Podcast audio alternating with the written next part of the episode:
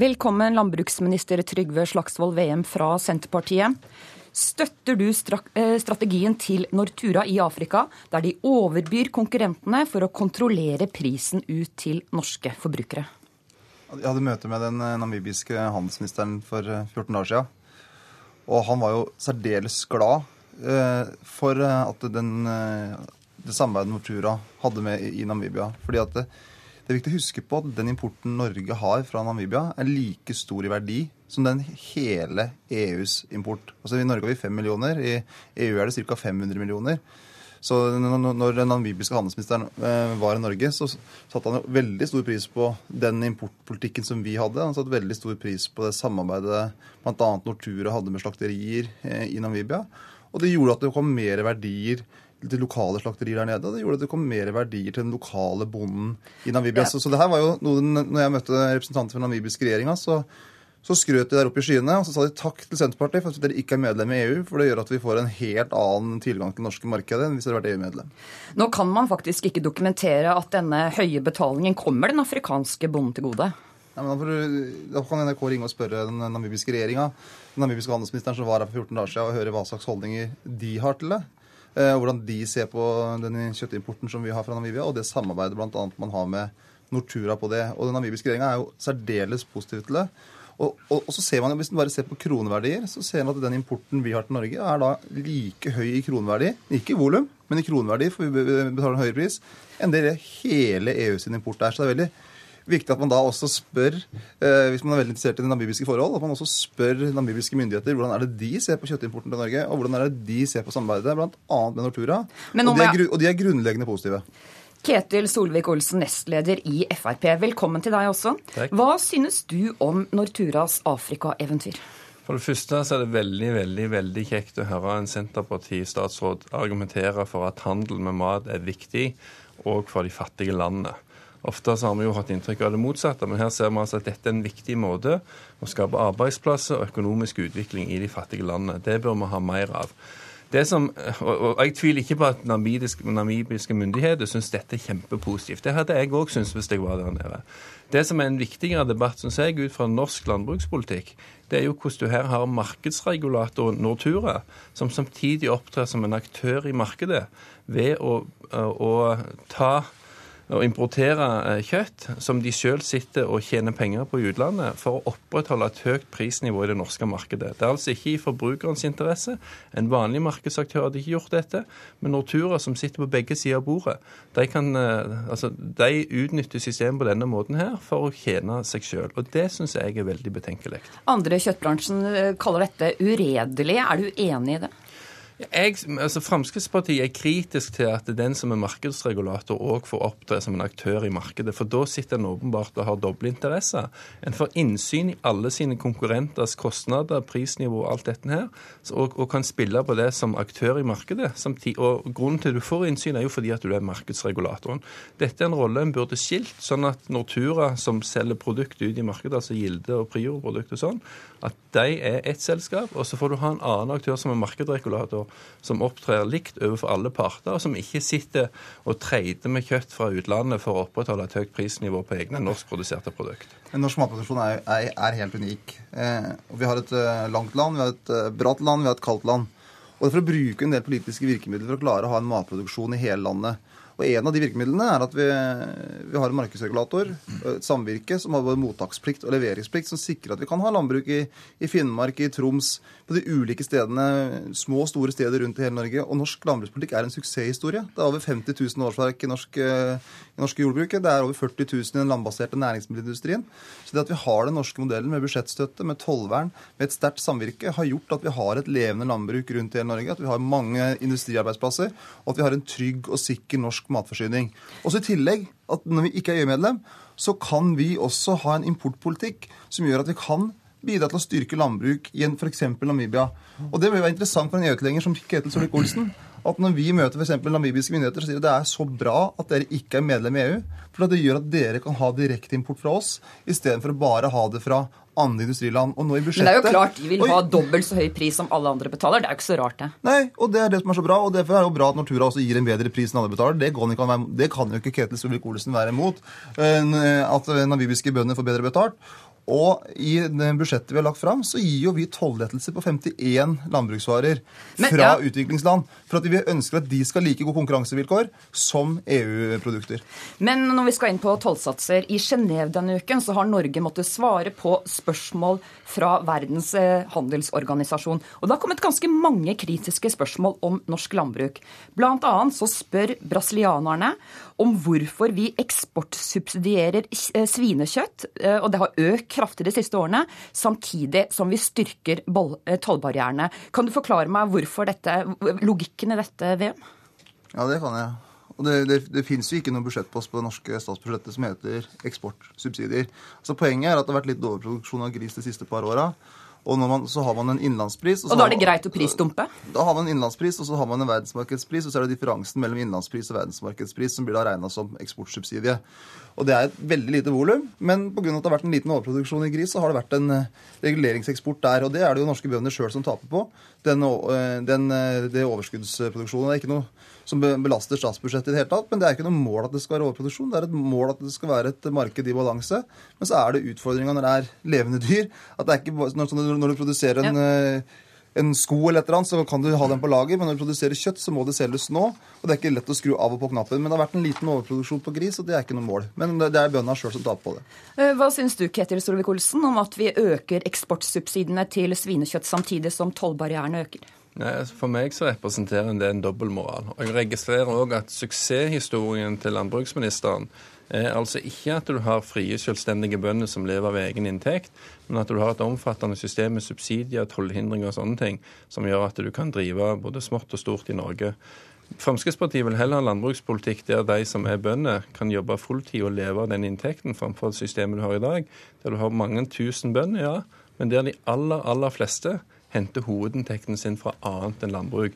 Det er ikke suksess i landbrukspolitikken etter Frp sitt skjønn. Og vi skal også huske at det er ikke mer enn en, eh, ti måneder siden at Jonas Gahr Støre, når han var utenriksminister, var med og forhandla, eh, eller hadde møte i V2-systemet, der det var en entydig eh, Unnskyld, EU-systemet, der det var en entydig uttalelse som òg Norge signerte, om at dette var ikke tiden for nye handelshindringer. Og det er jo helt klart at De toll, tolløkningene som vi har hatt, selv om det ikke gjelder på veldig mange ostetyper, veldig mange kjøtt, men det gjelder på noen, er et signal om at, FRP, eh, at denne regjeringen ikke forholder seg til de avtaler de selv har signert med EU-systemet, men tvert imot øker toll, øke øker handelshindringer, eh, til tross for at resten av Europa har vært enige om at det er det som skal gjøre det motsatte. Men VM, er det helt uviktig hva handelspartnere rundt om i verden mener om Norge? Nei, men vi er jo Vi, vi forholder oss fullt og helt til det regelbaserte handelssystemet. Det er det, det, er det, det, er det, det, er det, ingen, ingen tvil om. Jo, det er Og så det kan det, men så kan det være ulike interesser. Det er ingen grunn at en del av det eksportretta eller landbruket både deler av EU og i Brasil har andre interesser enn det nasjonale norske landbruket. Men vi har en regjering i Norge som står opp for norske interesser, som står opp for norsk næringsmiddelindustri, som står opp for norsk matproduksjon, og at Ketil Solvik-Olsen Olsen ønsker å rasere og bygge ned norsk næringsindustri. næring, næringsmiddelindustri Jo, men det er det som kommer til å skje. Nei. For du tar du ned tollvernet, så er det ikke mulig å drive lønnsomt. Og det er de største bøndene som vil tape mest på Frp sin politikk. For hvis du ikke har tollvern, så klarer du ikke å tjene penger i det kalde, våte landet vårt. Selv de største gårda i Norge er småbruk. sammenlignet med Danmark, Skåne, Brasil. Så skal vi ha et norsk landbruk, skal vi ha en norsk matproduksjon, så må vi kunne bruke tollvern, og vi må kunne bruke budsjettstøtte. Og det skaper unike, gode produkter som du og jeg som forbruker har stor, stor glede av, og det ønsker Frp å ta bort. Ja, Det er ikke alle produktene som er så unike. En del av produktene i Norge er typisk volumprodukt. eh, Og, og du sier jo selv at vi har masse små, små enheter. La oss da ha en politikk der du sier at du bevisst går etter større enheter på noen områder. Men det er, det er altså ikke sånn at det dere gjør nå er entydig i Norges interesser. Når du får de protestene du får fra EU-systemet, fra våre naboland, eh, så viser det jo at det er grunn til å stille tvil om hva som er konsekvensene på lang sikt på dette. De totale norske interessene, det inkluderer òg fisk når du snakker om mat. Du må altså ikke ha en traktor for å lage mat i Norge. Du kan òg ha en fiskebåt. Og Da er det totaliteten av dette dere må ta hensyn til. Og det klarer ikke dere i Senterpartiet. For det er kun landbasert matproduksjon dere tenker på. Vi må tenke på helheten. Vi selvfølgelig tenker vi også på fisk, men vi forholder oss til de internasjonale handelsavtalene vi har. Og Frp bør ikke hver eneste dag bruke sin tid på å snakke ned norske interesser. Da er den debatten over for i dag. Takk for at dere kom, landbruksminister Trygve Slagsvold VM fra Senterpartiet og nestleder i Frp Ketil Solvik-Olsen.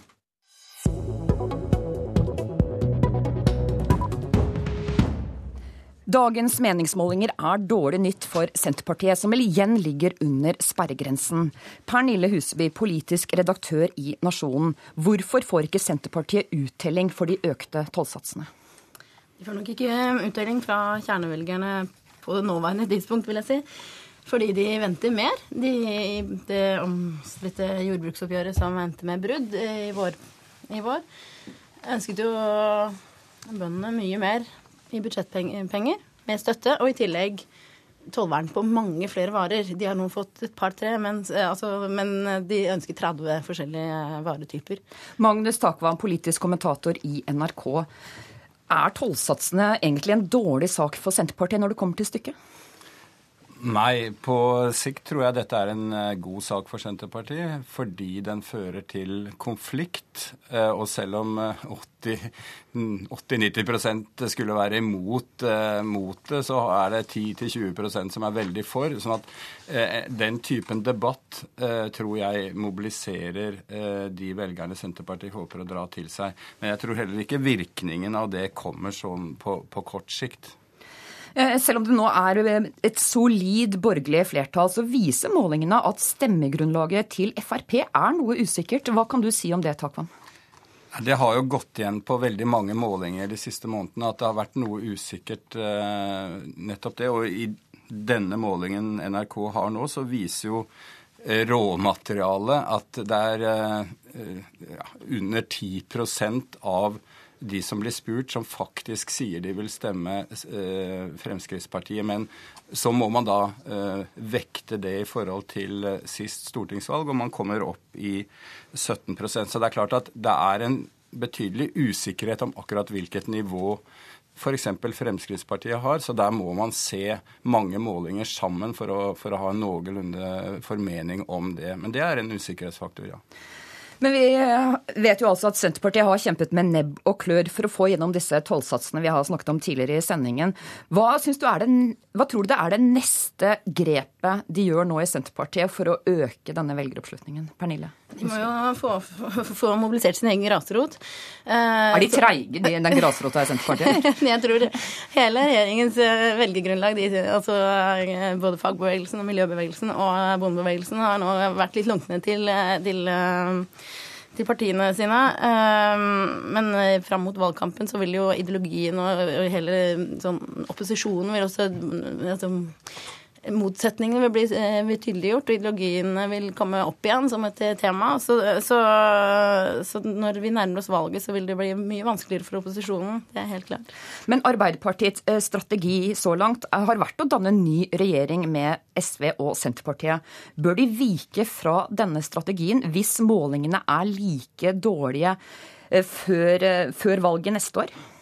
Vel, Arbeiderpartiet må jo sjøl finne ut hvordan de lager strategien. Men jeg tror de fleste vil være enige om at å løpe fra den strategien man har lagt nå for, de, for, for disse to periodene, vil være eh, håpløs strategi.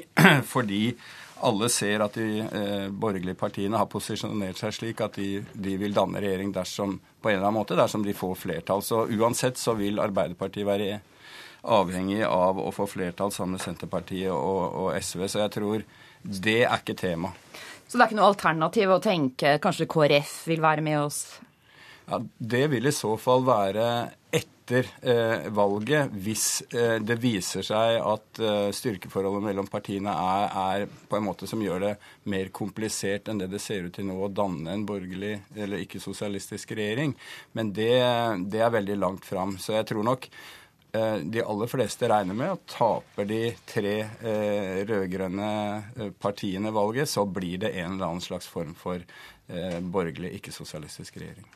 Er det realistisk at eh, Senterpartiet ender under sperregrensa neste år, Husby?